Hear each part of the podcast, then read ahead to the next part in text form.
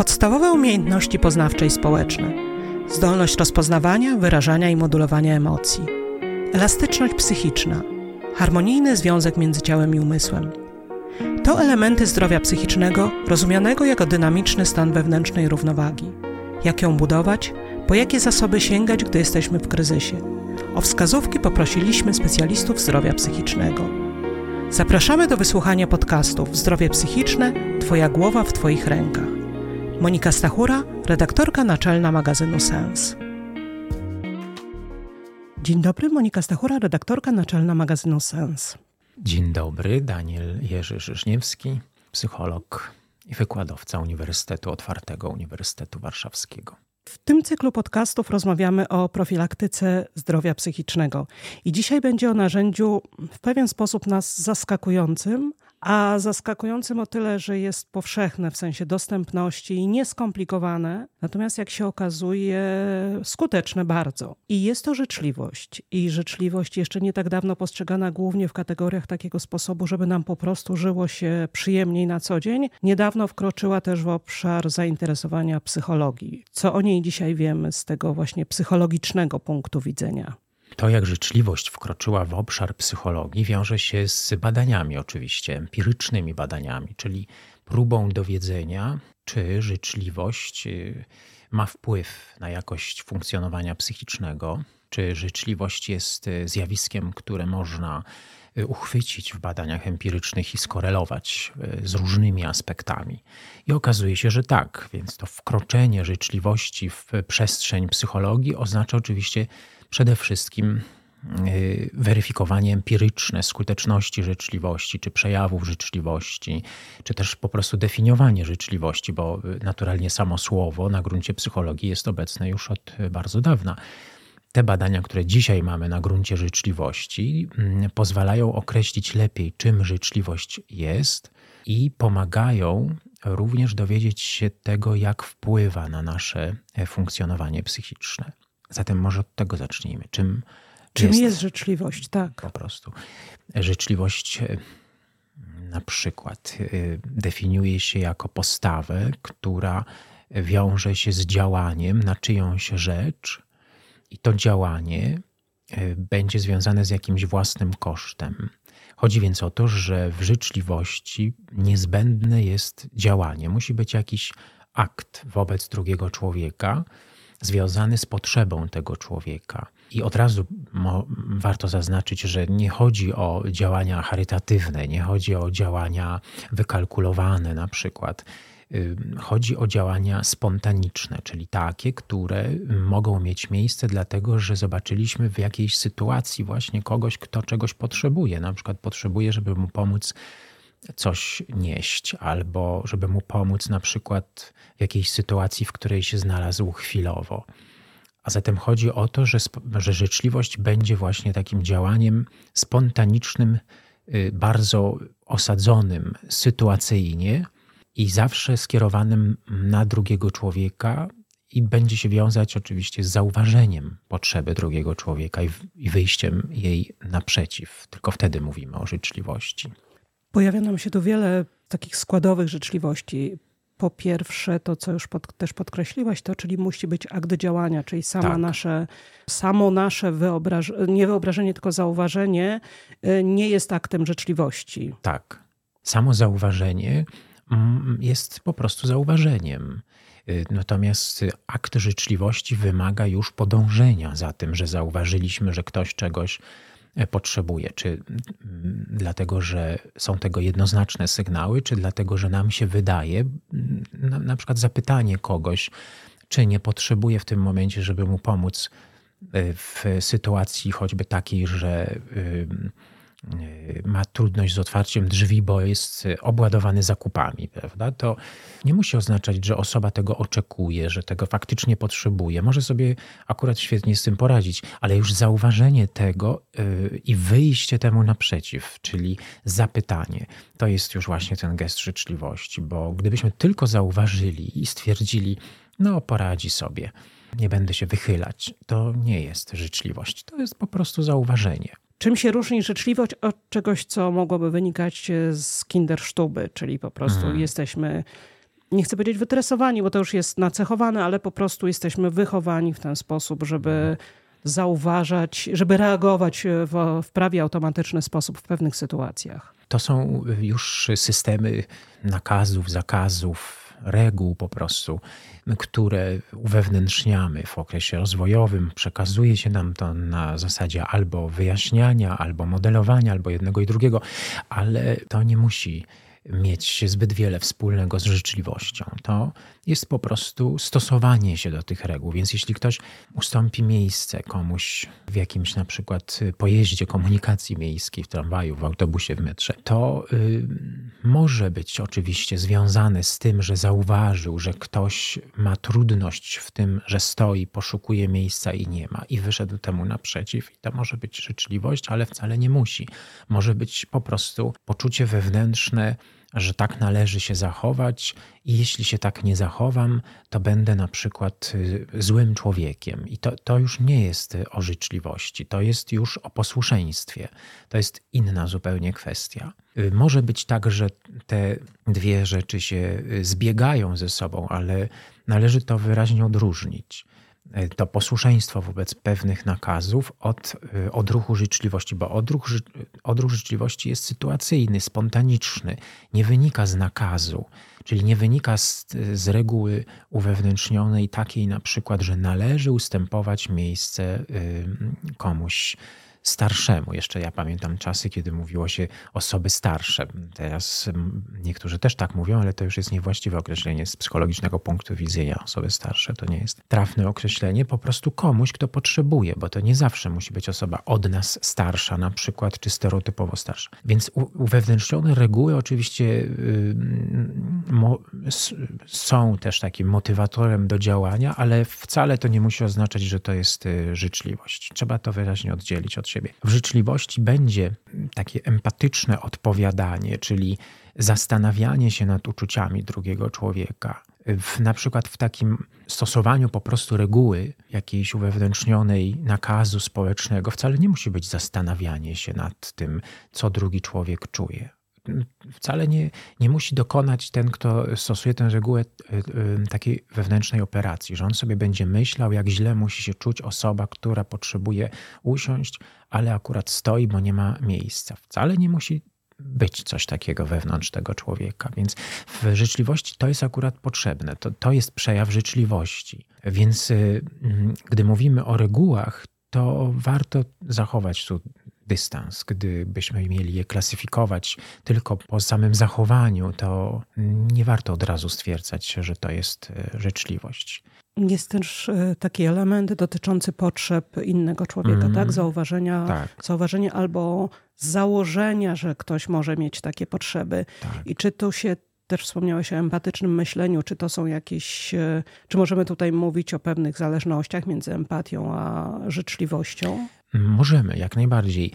E, gdy mowa o życzliwości, to dzisiaj się właśnie wskazuje na to empatyczne odpowiadanie, tylko że empatyczne odpowiadanie oznacza właśnie zastanawianie się nad tym, co ktoś czuje w danej sytuacji e, i na bazie tego e, zastanowienia działanie.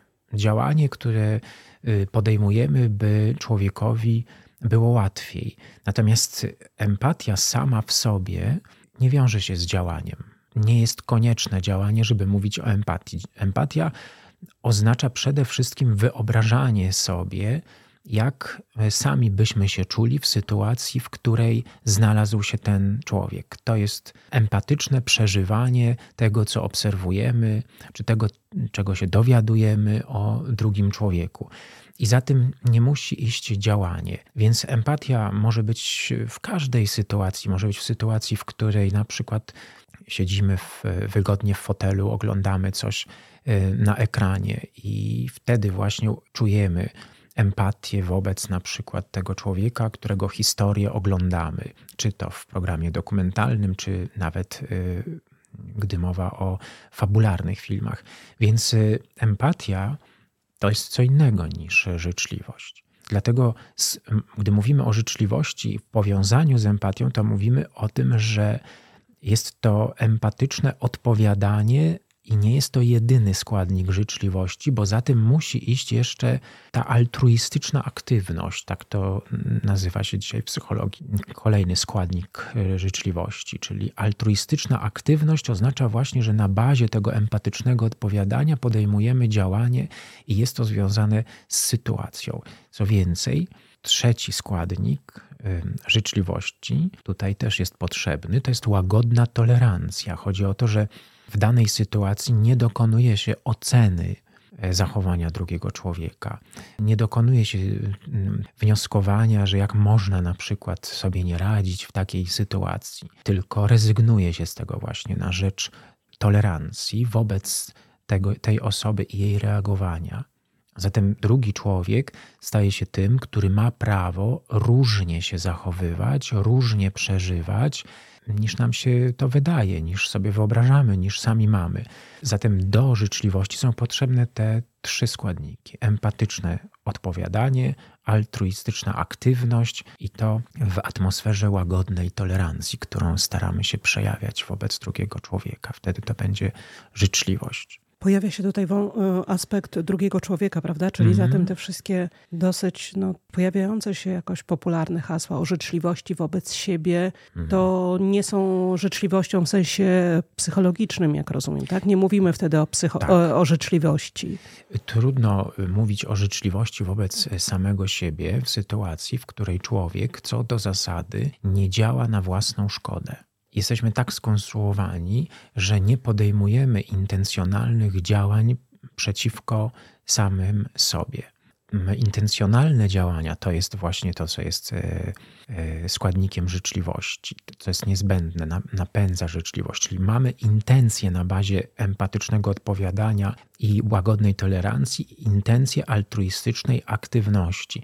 Więc wobec samych e, siebie nie podejmujemy działań, które by nam szkodziły. Dlatego nie można mówić o życzliwości wobec samego siebie, bo my robimy to, co możemy zrobić, żeby sobie nie zaszkodzić. Natomiast y, istotną kwestią jest rzeczywiście wątek równoległy niejako, czyli wątek po prostu rozmaitych mechanizmów funkcjonowania psychicznego i rozmaitych wzorców przeżywania i rzeczywistości, zachowania też które faktycznie mogą prowadzić do tego, że człowiek sobie szkodzi, ale szkodzi sobie y, nadal nieintencjonalnie. To znaczy, jest to szkoda, która jest efektem tego, że człowiek nieprawidłowo przeżywa, nieprawidłowo się zachowuje, na przykład mm, nikotynizuje się, spożywa alkohol, na przykład y, nie umie mówić o ważnych rzeczach w sposób spokojny i kooperacyjny, tylko konfliktowy i awanturniczy, i wtedy będzie szereg konsekwencji wskazujących na to, że,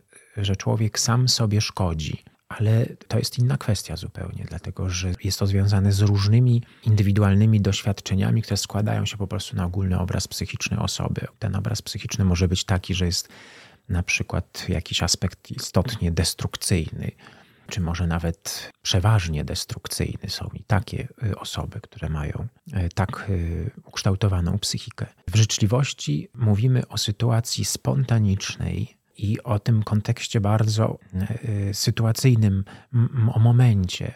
Więc nawet ten człowiek, który sobie szkodzi różnymi negatywnymi wzorcami, które ma, to on w różnych sytuacjach, w których może coś zrobić, żeby było mu łatwiej, to zrobi to nie będzie męczył się y, na przykład stojąc, y, gdy potrzebuje siedzieć, tylko będzie szukał y, miejsca, żeby usiąść. To wydaje mi się dosyć miękki przykład, bo nie miękki, chciałabym, tak. żeby wybrzmiało, bo tutaj wchodzimy też, nie chcę, żeby ta rozmowa została, przeszła w tę stronę właśnie zachowań, powiedzmy, niezdrowego sposobu regulowania tak. różnych swoich emocji, tak, prawda? Tak. Bo na pierwszy rzut oka coś, no to już będzie trochę trudniejszy przykład, chociażby samo uszkodzenia, to już są. Hmm. Trudno zrozumieć, że to jest też działanie na swoją korzyść, ale rozumiem, że to już są głębsze problemy. Psy. Nie, to nie jest działanie na swoją korzyść, to jest działanie na swoją niekorzyść tylko nie ma nic wspólnego z naturalnym odruchem, by sobie nie szkodzić. Okej, okay, dobrze, to już e, to zostawiamy na inną rozmowę. Tak, czyli nawet ta, chodzi o to, że nawet taka osoba też w innych sytuacjach nie będzie intencjonalnie dążyła do tego, żeby sobie zaszkodzić. Mhm, rozumiem. Gdybyśmy tak w uproszczony sposób mogli opisać trochę jeszcze zanim przejdziemy do korzyści mm -hmm. z mhm. życzliwości i tego, jak się uczyć życzliwości, tak. bo to jest, chciałabym, żeby to było też tak jakimś efektem dla słuchaczy mm -hmm. po mhm. naszej rozmowie. To jest jakiś taki zauważamy, widzimy człowieka, zauważamy jego potrzeby i rozumiem, że empatycz, empatia mogłaby pójść w tę stronę, że zaczniemy rozpamiętywać jakoś, pro, jakieś głębokie procesy będą w, w, naszej głowie zachodziły i nie zrobimy nic w tym kierunku, tak? tak. Na przykład. Tak. Empatia oznacza po prostu y, wytworzenie w sobie stanu przeżywania, który wyobrażamy sobie, że jest podobny do tego stanu przeżywania, który jest u tego człowieka, którego obserwujemy, czy o którym myślimy. I to wszystko. Za, oczywiście empatia może motywować różne osoby do e, da, daleko zakrojonych nawet e, działań, takich właśnie jak powoływanie różnych instytucji e, charytatywnych, fundacji, czy po prostu angażowanie się w różne przedsięwzięcia. To jest wtedy jak najbardziej empatia motywatorem do takich działań, ale należy to wyraźnie odróżnić od życzliwości. Sama życzliwość jest sytuacyjna. Sytuacyjna, więc jeśli nawet y, ktoś ma taką sytuację, że zarabia bardzo dużo pieniędzy y, i mm, uważa, że należy się tymi pieniędzmi dzielić i wspiera jakieś instytucje y, czy jakieś konkretne działania, mm, to, to, też nie oznacza, że w tym jest życzliwość. W tym też nawet nie musi być empatia. W tym na przykład może być po prostu e, przekonanie właśnie tego człowieka, taka reguła jak, e, jak z ustępowaniem miejsca, że E, trzeba dawać na cele charytatywne, bo jeśli daje się innym, to do mnie przychodzi więcej na przykład. I to już jest zupełnie inne podłoże. Nie ma nic wspólnego ani z empatią, ani z życzliwością, tylko ze zwykłym wykalkulowaniem i przekonaniami, które po prostu ten człowiek ma w swoim życiu. Też nie chciałabym, żeby to zabrzmiało, że ktoś taki jest nieżyczliwy, tylko nie. może, że nie mówimy o życzliwości, że jesteśmy w innym, tak. w innym rejestrze po, tak. pojęć. Zgadza powiedzmy. się, tak o tym właśnie mówię. W żadnym razie nie można na tej podstawie stwierdzać, że ktoś jest nieżyczliwy, bo może być to życzliwa osoba jak najbardziej. W różnych sytuacjach może to być widoczne, ale nie można tego przejawu, tej aktywności traktować jako dowód życzliwości. Trzeba więcej informacji po prostu na ten temat uzyskać o osobie. Teraz zmierzając do korzyści z życzliwości, to wyobrażam sobie, że rzeczywiście przyjemniej po prostu może być osobie, która jest odbiorcą aktu życzliwości. Tak. Natomiast cóż daje bycie życzliwym poza takim jakimś ogólnym poczuciem właśnie spełniania? Czy możemy z badań, o których wspomniałaś, czy możemy powiedzieć coś na temat trwalszych efektów życzliwości dla nadawcy życzliwości? Tak, tak. przeprowadzono badania z udziałem ludzi, e, którzy mieli nasilone parametry lęku doświadczali ponadprzeciętnego bania się, unikali różnych sytuacji społecznych y, i zaproponowano im, by zaczęli szukać mm, takich sytuacji, w których będą mogli okazać komuś życzliwość, wyjść naprzeciw czyjejś potrzeby. Więc zaproponowano im tak naprawdę, by szukali sytuacji, w których będą mogli dostrzec czyjąś potrzebę i następnie podjąć jakieś działanie. I mieli to robić raz dziennie. I okazało się, że po czterech tygodniach takiej praktyki osoby miały istotnie mniejsze nasilenie, nasilenie lęku. Ich objawy uległy redukcji. To jest y, jeden bardzo, bardzo ciekawy i wydaje się bardzo praktyczny aspekt stosowania życzliwości, że życzliwość y, jako akt y, podejmowany przez nas, czyli akt nadawczy, będzie powodowała, że nasze samopoczucie po prostu się poprawi. W przypadku osób z zaburzeniami lękowymi oznacza to, że ich objawy ulegają istotnej redukcji. Mm, też nie możemy tego rozumieć w taki sposób, że życzliwość może leczyć. Tego też nie można powiedzieć, ale przyczynia się do tego, że trudne objawy ograniczające codzienne funkcjonowanie e, łagodnieją. Oczywiście leczenie polega na czymś innym i jest bardziej złożone. Y, ale wynika też z tego, że osoby, które nie mają objawów takich jak y, ponadprzeciętnie nasilony lęk, są osobami, które dokonując aktu życzliwości, po prostu przejawiając życzliwość wobec innych, y, będą się czuły lepiej. Nie wiem, na ile to będzie uzasadniony wniosek, ale wyobrażam sobie, że dla tak zwanych normalnych, oczywiście w cudzysłowie, niecierpiących na podobne zaburzenia osób, mm. może być to na przykład większa skłonność do kontaktowania się z innymi ludźmi, tak. do budowania relacji, a o tym wiemy, że jest to ważny element w naszym dobrostanie psychicznym. Tak. Y, gesty życzliwości powodują, że czujemy się bardziej otwarci na otoczenie, że chętniej wychodzimy do ludzi, czujemy się bardziej przydatni, potrzebni, czujemy się bardziej yy, yy, zainteresowani po prostu tym, co się dzieje dookoła. Yy, I w rezultacie rzeczywiście mamy lepszy nastrój, bo przetwarzanie jest y, zależne od naszego nastroju. Przetwarzanie percepcyjne to jest ważna kwestia, dlatego że gdy nasz nastrój się poprawia, nawet jeśli to jest tylko chwilowe, to oznacza, że zaczynamy wyłaniać z tła, na przykład y, z tego, na co patrzymy, to, co bardziej zbieżne jest z tym nastrojem, czyli po prostu zobaczymy na przykład coś bardziej przyjemnego wtedy, kiedy czujemy się lepiej. Y, to oznacza również, że nasza skłonność do formułowania ocen, wniosków o tym, co widzimy, na przykład, jest też inna. Kiedy mamy nastrój poprawiony choćby chwilowo, to, to wzrasta skłonność do pozytywnych ocen, co oznacza na przykład, że yy, nie tylko to, co dookoła możemy tak postrzegać, ale i siebie samych.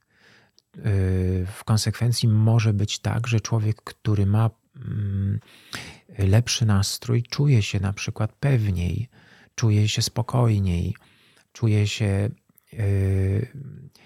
właśnie bardziej, mm, można by powiedzieć, podłączony do społeczeństwa, bardziej spójny ze społeczeństwem, z, z otoczeniem, nie, po prostu nie wyizolowany, nie, nie osamotniony, nie zamknięty na przykład we własnych czterech ścianach. Przetwarzanie zgodne z nastrojem oczywiście ma swoją drugą stronę wtedy, kiedy nastrój jest obniżony i wtedy właśnie jest odwrotnie. Wtedy łatwiej się zauważa rzeczy negatywne. Wzrasta skłonność do ocen negatywnych. I tu jest ważną kwestią właśnie życzliwość. Bo jeśli człowiek podejmuje gesty, generuje po prostu życzliwość wobec innych, może przerwać tę skłonność do y, formułowania ocen negatywnych, bo poprzez y, zahamowanie na przykład spadku nastroju. To nie zawsze oznacza y, taką sytuację, że życzliwość po prostu poprawi nastrój tak, jak sobie to można wyobrażać, na przykład wtedy, kiedy dowiadujemy się czegoś dla nas ważnego i radosnego. To nie chodzi o takie skoki, tylko chodzi o taki stan już łagodniejszego przeżywania niż przed chwilą. Że jeśli przed chwilą czuliśmy się na przykład zamknięci i, i nieswojo, to, to gest życzliwości może sprawić, że przez chwilę będzie to mniej dojmujące, mniej właśnie E, zamykające nas. Dlatego te gesty życzliwości są bardzo efektywne, gdy chodzi o nasz sposób przeżywania i patrzenia na innych ludzi. No ale do tego trzeba właśnie ćwiczyć się też w, w redukowaniu oceniania. No właśnie, za chwilkę przejdziemy jeszcze do, do, do ćwiczeń, natomiast jeszcze mm. chciałabym tu jedną rzecz, tak o jedną rzecz się mhm. dopytać, a mianowicie, czy w zależności od poziomu nastroju, powiedzmy, koszt, wysiłek związany z gestem życzliwości jest też różny, to znaczy dla osób, bo tak sobie myślę, że to jest ten paradoks, że właściwie najbardziej by to pomogło osobom, które mają negatywny nastrój i w związku z tym też tak. takie postrzeganie warunkowane tak. przez nastrój, ale jednocześnie dla nich przełamanie się do życzliwości jest e, dużym wysiłkiem. Właśnie, czy jest dużym wysiłkiem? Jest większym wysiłkiem, tak, dlatego że obniżony nastrój, tym bardziej gdy jest to nastrój przeważający, czyli osoba przeważnie, najczęściej czuje się rozdrażniona, zniechęcona, czuje się e, przygnębiona, ogólnie zaniepokojona. Jeśli częściej tak ma, no to tak, to będzie większy wysiłek dla takiej osoby, dlatego że e, już ten fakt, że tak jest przeważnie, sprawia, że osoba tkwi w izolacji wewnętrznej, że właśnie nie zauważa różnych rzeczy, które mogłyby być świetnym punktem wyjścia do e, życzliwości. Najczęściej tę izolację bardzo mocno tworzy e, skłonność do formułowania negatywnych ocen. I te negatywne oceny zarówno siebie samego, jak i innych wchodzą tutaj w grę. Czyli mogą być osoby, które tkwią w zazwyczaj obniżonym nastroju y, i podtrzymują ten nastrój, czy wzmacniają ten stan, na przykład regularnie myśląc o sobie, y, krytykując siebie deprecjonująco. Jestem do niczego, co za kretyn, co za idiota ze mnie, albo do niczego się nie nadaje, albo nic y, mi się nie uda, a mogą oczywiście też bardziej skupiać się na innych, bo są różne wzorce tego typu. W obrębie skłonności do negatywnych ocen może być tak, że ktoś częściej siebie samego deprecjonuje, może być tak, że ktoś częściej innych deprecjonuje i wtedy na przykład wychwytuje każdą możliwą sytuację, w której może właśnie dokonać takiej radykalnej, szybkiej oceny, e, co za niezdara, co za głupek, co za yy, beznadziejny typ y, i tym podobne. Więc są osoby, które mają różnie w tych proporcjach związanych z negatywnymi ocenami. Niektóre bardziej wobec siebie, niektóre bardziej wobec innych, ale to zawsze zamyka i powoduje, że na przykład osoba, która bardziej skłonna jest myśleć o innych deprecjonująco, no to ona będzie już miała też takie przekonania ogólne o ludziach, że ludzie na przykład są beznadziejni, że ludzie są głupi, że ludzie na przykład e, niewarci są pomocy, czy uwagi, czy tym podobne. No i tutaj naprawdę jest bardzo trudno o, o życzliwość. A osoba, która bardziej myśli o sobie deprecjonująco, może myśleć, mieć ogólne przekonania na, na własny temat, na przykład takie, co ja mogę, ja nic nie mogę, a y, co ja będę się wychylać, jeszcze ktoś mi coś zrobi, albo nakrzyczy na mnie, albo wyjdę na głupka, albo coś w tym rodzaju. To, więc zmierzam do tego, że te przejawy skłonności do negatywnego oceniania siebie czy innych ludzi wiążą się też z pewnymi ogólnymi przekonaniami, które wytwarzają osoby tak mające na swój temat czy innych ludzi. To jest właśnie ta, ten mur, ta ściana, która oddziela od innych i sprawia, że bardzo trudno jest zauważyć sytuacje, w których e, można by było być, e, być życzliwym, zachować się życzliwie. Natomiast paradoksalnie, właśnie wśród takich osób mogą być osoby, które po prostu e, stosują rozmaite reguły, by zachowywać się posłusznie. I to jest tutaj też duży aspekt, że to posłuszeństwo w wyniku tego, że się jakieś reguły uwewnętrzniło, jest też sprzęgnięte czasami, nie zawsze, ale czasami z negatywnym y, nastrojem. A jednak warto być życzliwym. Zatem, co Warto. wyobrażam sobie, tak, bo przywołałeś badanie mówiące o, o, tym, że zachęcano uczestników do aktywności w szukaniu możliwych tak. oka okazji do bycia życzliwym. Czy to jest jedna z praktyk, którą możemy też sobie samodzielnie wdrożyć, żeby ćwiczyć się w życzliwości? Właśnie pytanie jest takie, co możemy, jak się uczyć życzliwości? Warto zacząć od y, ćwiczenia się w tym pierwszym składniku życzliwości, o którym powiedziałem na początku naszej rozmowy, czyli w empatycznym odpowiadaniu, w tym, co nazywamy responsywnością. A zatem chodzi o to, żeby nastawiać się na to, żeby szukać sytuacji, w których będzie można właśnie zareagować empatycznie i podążyć za tym, wykonując jakiś gest. Ale chodzi o szukanie, o filtrowanie po prostu otoczenia y, pod tym kątem. Mówiąc wprost, trzeba się ze sobą umówić. No właśnie, chciałam poprosić o taką wskazówkę. Wiem, że terapeuci tak. są nieskłonni do dawania wskazówek, bo nie mm. o to mhm. chodzi, ale właśnie rozwiązaniem mogło być takie, że umówienie, tak, że idę teraz tak. w ciągu tej godziny muszę być, e, wykazać się jakimś gestem życzliwości. Nie wiem, czy muszę, ale, o, e, e, tak. ale na przykład postaram się poszukać mm -hmm. sytuacji.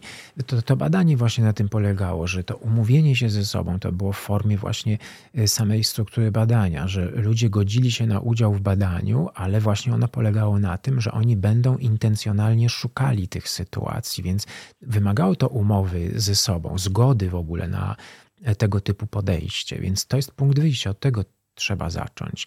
E, dlatego, że Nie można liczyć na to, że, że się mm, odruchowo y, zauważy sytuację, w której można by się y, zachować życzliwie, skoro ma się większą skłonność na przykład do tego właśnie, by się izolować i zamykać, prawda? Więc trzeba się najpierw ze sobą umówić na ten poziom otwartości, który właśnie wiąże się z tym, że się jednak zauważa. Dzisiaj na przykład jadąc tutaj widziałem taką sytuację, Y, że autobus, w którym byłem, już ruszył z przystanku, ale zaraz obok przystanku są światła. I autobus y, miał czerwone światło, zatrzymał się i już nie był na przystanku. I w świetle przepisów już nie otwiera się drzwi w, mhm. w takiej sytuacji. Ale jeden człowiek akurat y, przechodził i zależało mu na tym, żeby wejść do tego autobusu, więc prosto z pasów zszedł, e, wszedł, przyszedł właśnie pod te pierwsze drzwi przy kierowcy, mając nadzieję, że kierowca mu otworzy. Byłem bardzo ciekawy, jak kierowca się zachowa w tej e, sytuacji i poczułem dużą ulgę, kiedy zobaczyłem, że kierowca jednak otworzył drzwi temu mhm. człowiekowi. Mhm. Bo widziałem też wiele sytuacji, w których tak się nie zachował. I to jest właśnie ten gest życzliwości że w tej sytuacji, w której ten człowiek szedł do tego autobusu, ale autobus już na jego oczach ruszył z przystanku i zatrzymał się przed pasami, którymi on przeszedł, to właśnie ten człowiek, który prowadził e, autobus, zauważył potrzebę tego człowieka, który chciał nim jechać i otworzył mu te drzwi. To jest optymistyczne, ale do tego trzeba właśnie zauważać, bo sytuacje, w których tak się nie działa, widziałem takie nieraz, były takie, że kierowca udawał po prostu, że nie widzi e, kogoś, kto chce wejść do autobusu. A nawet były takie sytuacje czasami, które widziałem, w których pasażerowie już zwracali uwagę mhm. kierowcy, że proszę otworzyć, przecież stoi pan. I on szedł w zaparte, że nie i ze złością nie. I to jest właśnie przejaw, no oczywiście, nie tylko posłuszeństwa, czy też nawet nie tyle posłuszeństwa wobec jakichś. Yy, reguł, w których on funkcjonuje, ale tego właśnie negatywnego nastroju, że ta złość wtedy jest e, przejawem tego negatywizmu. I rzeczywiście, bo to jest e, budujące, o czym mówisz, że to jest no, drobny gest, prawda? Drobny, Czyli właściwie, tak. że nikt od nas nie oczekuje. Tak. Znaczy, życzliwość nie wymaga bohaterstwa. Nie wymaga bohaterstwa. Prawda? Więc tym bardziej jest tak? to dostępne i, i uczmy się tego. Natomiast też chciałam zwrócić uwagę, tak przyszło mi do głowy, że też, żeby być o tej umowie ze sobą, my zapominamy, myślę, że generalnie stawiamy sobie czasem jakieś takie cele, chcąc przeskoczyć do ostatniego etapu, natomiast e, zapominamy o podstawach i tutaj mam na myśli, że trudno zauważyć kogoś, jeśli ma się e, wzrok utkwiony w e, komórce, no, prawda? O, tak. Więc też jeśli chcemy być życzliwi, to też po prostu no dajmy naszemu mózgowi, umysłowi możliwość zauważenia kogoś innego. Zauważenia człowieka, który jest w rzeczywistości tej prawdziwej, a nie wirtualnej, prawda? To jest niezbędne w tej sytuacji. Można jeszcze dodać, gdy chodzi o badania nad życzliwością, że nawet osoby, które nie mają szczególnie predyspozycji do tego, by na przykład przewodzić grupie, są e, wskazywane jako mm, dobrzy kandydaci na liderów, jeśli tylko okazuje się, że w grupie zachowują się w taki sposób, który właśnie jest odbierany jako życzliwy, że się interesują innymi ludźmi, że zauważają ich, wykonują jakieś gesty życzliwości związane z potrzebami w danym momencie członków grupy. A badania, które mi przyszły do głowy teraz, dotyczą również mężczyzn, takich, którzy zachowywali się stereotypowo, czyli zdystansowani, narzucający. Oni nie byli wskazywani jako ci, których chce się widzieć na czele grupy, tylko ci, którzy zachowywali się życzliwie, czyli na przykład zwracali uwagę na to, co robią i mówią, i jak się zachowują wobec drugiego człowieka, bo mieli na uwadze jego uczucia i jego potrzeby. To jest zdumiewające, bo właściwie jeszcze trochę pokutuje e, ten model takiego mm, autorytarnego zarządzania, prawda? Tak. Że jednak im głośniej krzyczę, im jestem bardziej tak. wymagający, tym jestem lepszym szefem, a badania, nie mówimy o przekonaniach i nie o odczuciach, a badania wskazują, że naturalnymi liderami są właśnie osoby zainteresowane innymi. Uważne w kontakcie z innymi ludźmi i właśnie uważne na ich potrzeby. To jest niezbędne do życzliwości, ale źródła takiej postawy, w której z tą życzliwością jest trudno i raczej właśnie mamy do czynienia z gestami autorytarnymi, a nie życzliwymi, one są oczywiście w modelu rodzinnym. Mam taką obserwację, która wiąże się e, z miejscem, w którym e, mieszkam, w którym bardzo regularnie przechodzi bardzo wiele ludzi, wręcz tłumy, zwłaszcza w weekendy. I kiedy mam latem otwarte okna, ze smutkiem stwierdzam, że częściej słyszę, jak dzieci płaczą, niż to, jak się cieszą. Chociaż ci ludzie, którzy przechodzą pod moimi oknami, to są ludzie, którzy wyszli w weekend w celach rozrywkowych, by bycie ze sobą i być wśród innych ludzi, by się bawić, by odpocząć. A dzieci płaczące, krzyczące są strofowane, są poganiane, są karane, są traktowane autorytarnie.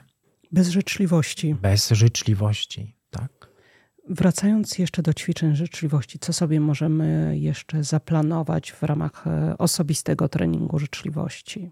Możemy zaproponować sobie yy, na przykład mm, uczenie się tego, co drugi człowiek może czuć, zastanawianie się nad tym, co może czuć. Czyli możemy na przykład więcej dowiadywać się na temat emocjonalności i zróżnicowania emocjonalności ludzkiej.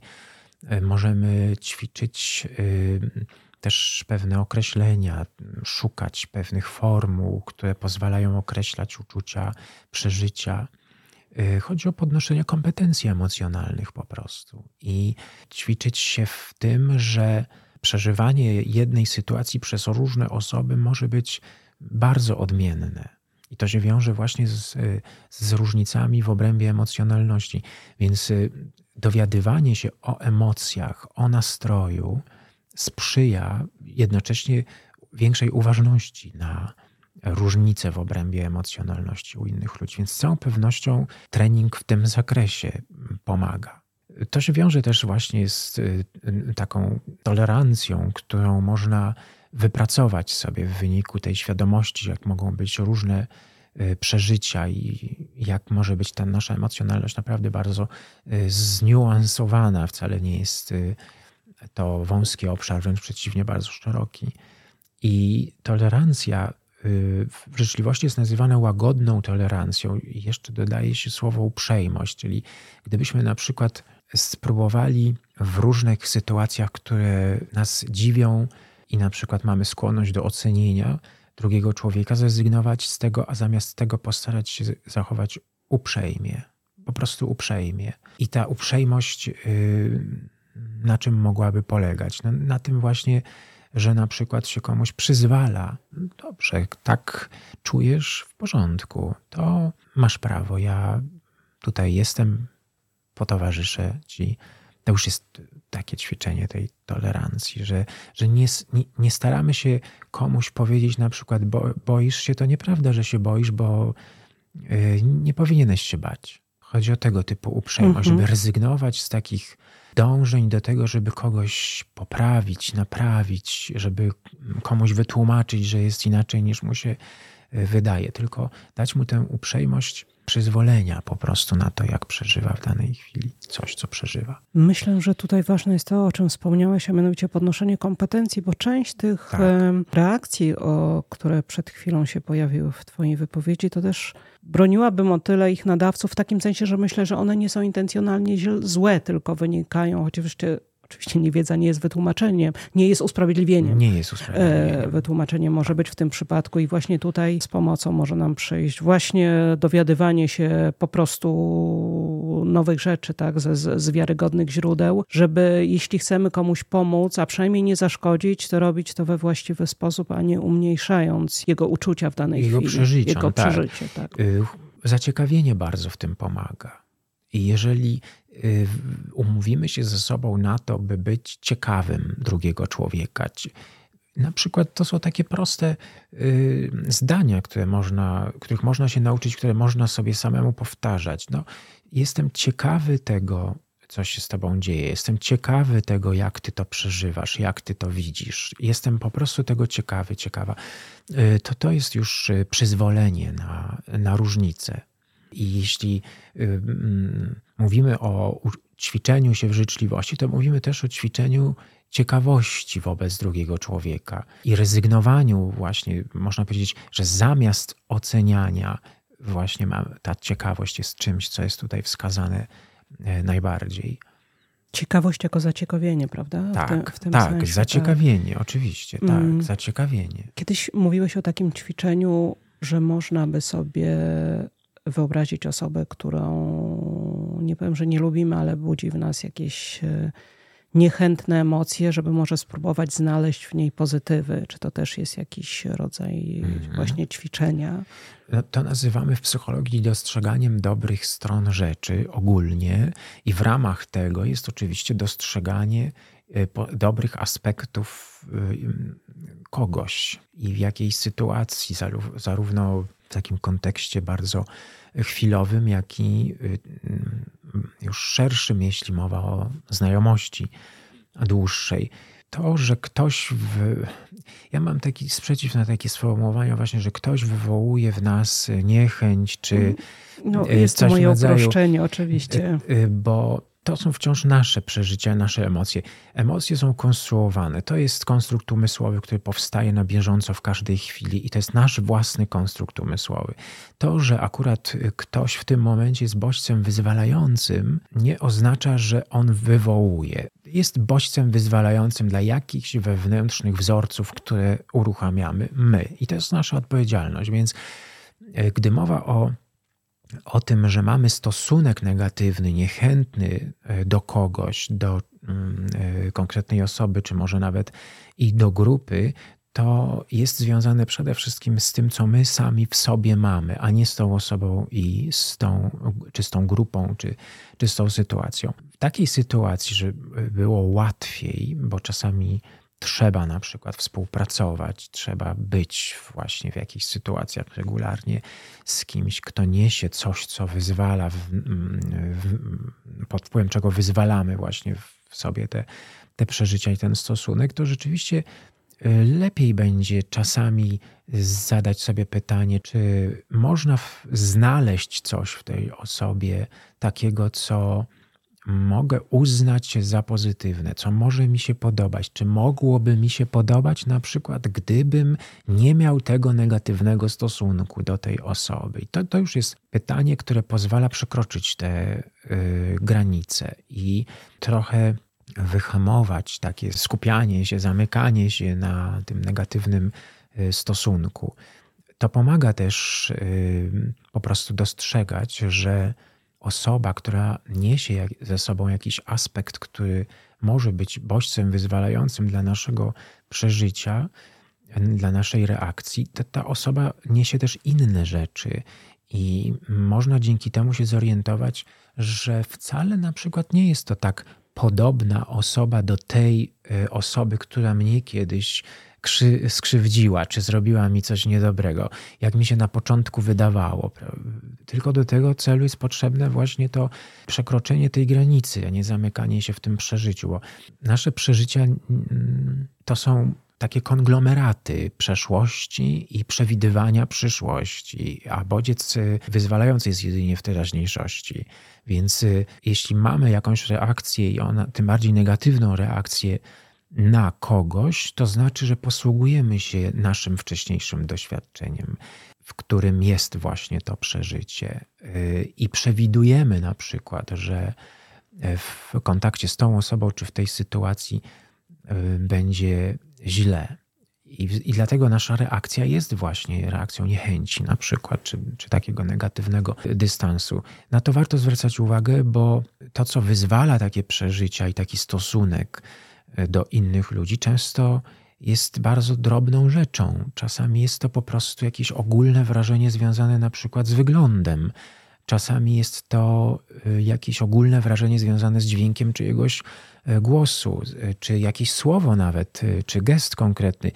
I mm, niepotrzebnie można pójść w, właśnie wtedy w, w taki ogólny stosunek do osoby negatywny takich sytuacjach są potrzebne te pytania o to, czy ta osoba niesie coś jeszcze innego, czy niesie coś, co mógłbym uznać za pozytywne, dobre, albo przynajmniej za neutralne, to już wystarczy, i żeby rozszerzyć trochę horyzont patrzenia na tego człowieka i dostrzec, że jednak jest w nim coś więcej niż tylko to, co wyzwala w nas ten mhm. sposób przeżywania. I czy idąc dalej, jakiś gest życzliwości wobec tej osoby będzie pomoże nam? Tak, oczywiście, że tak.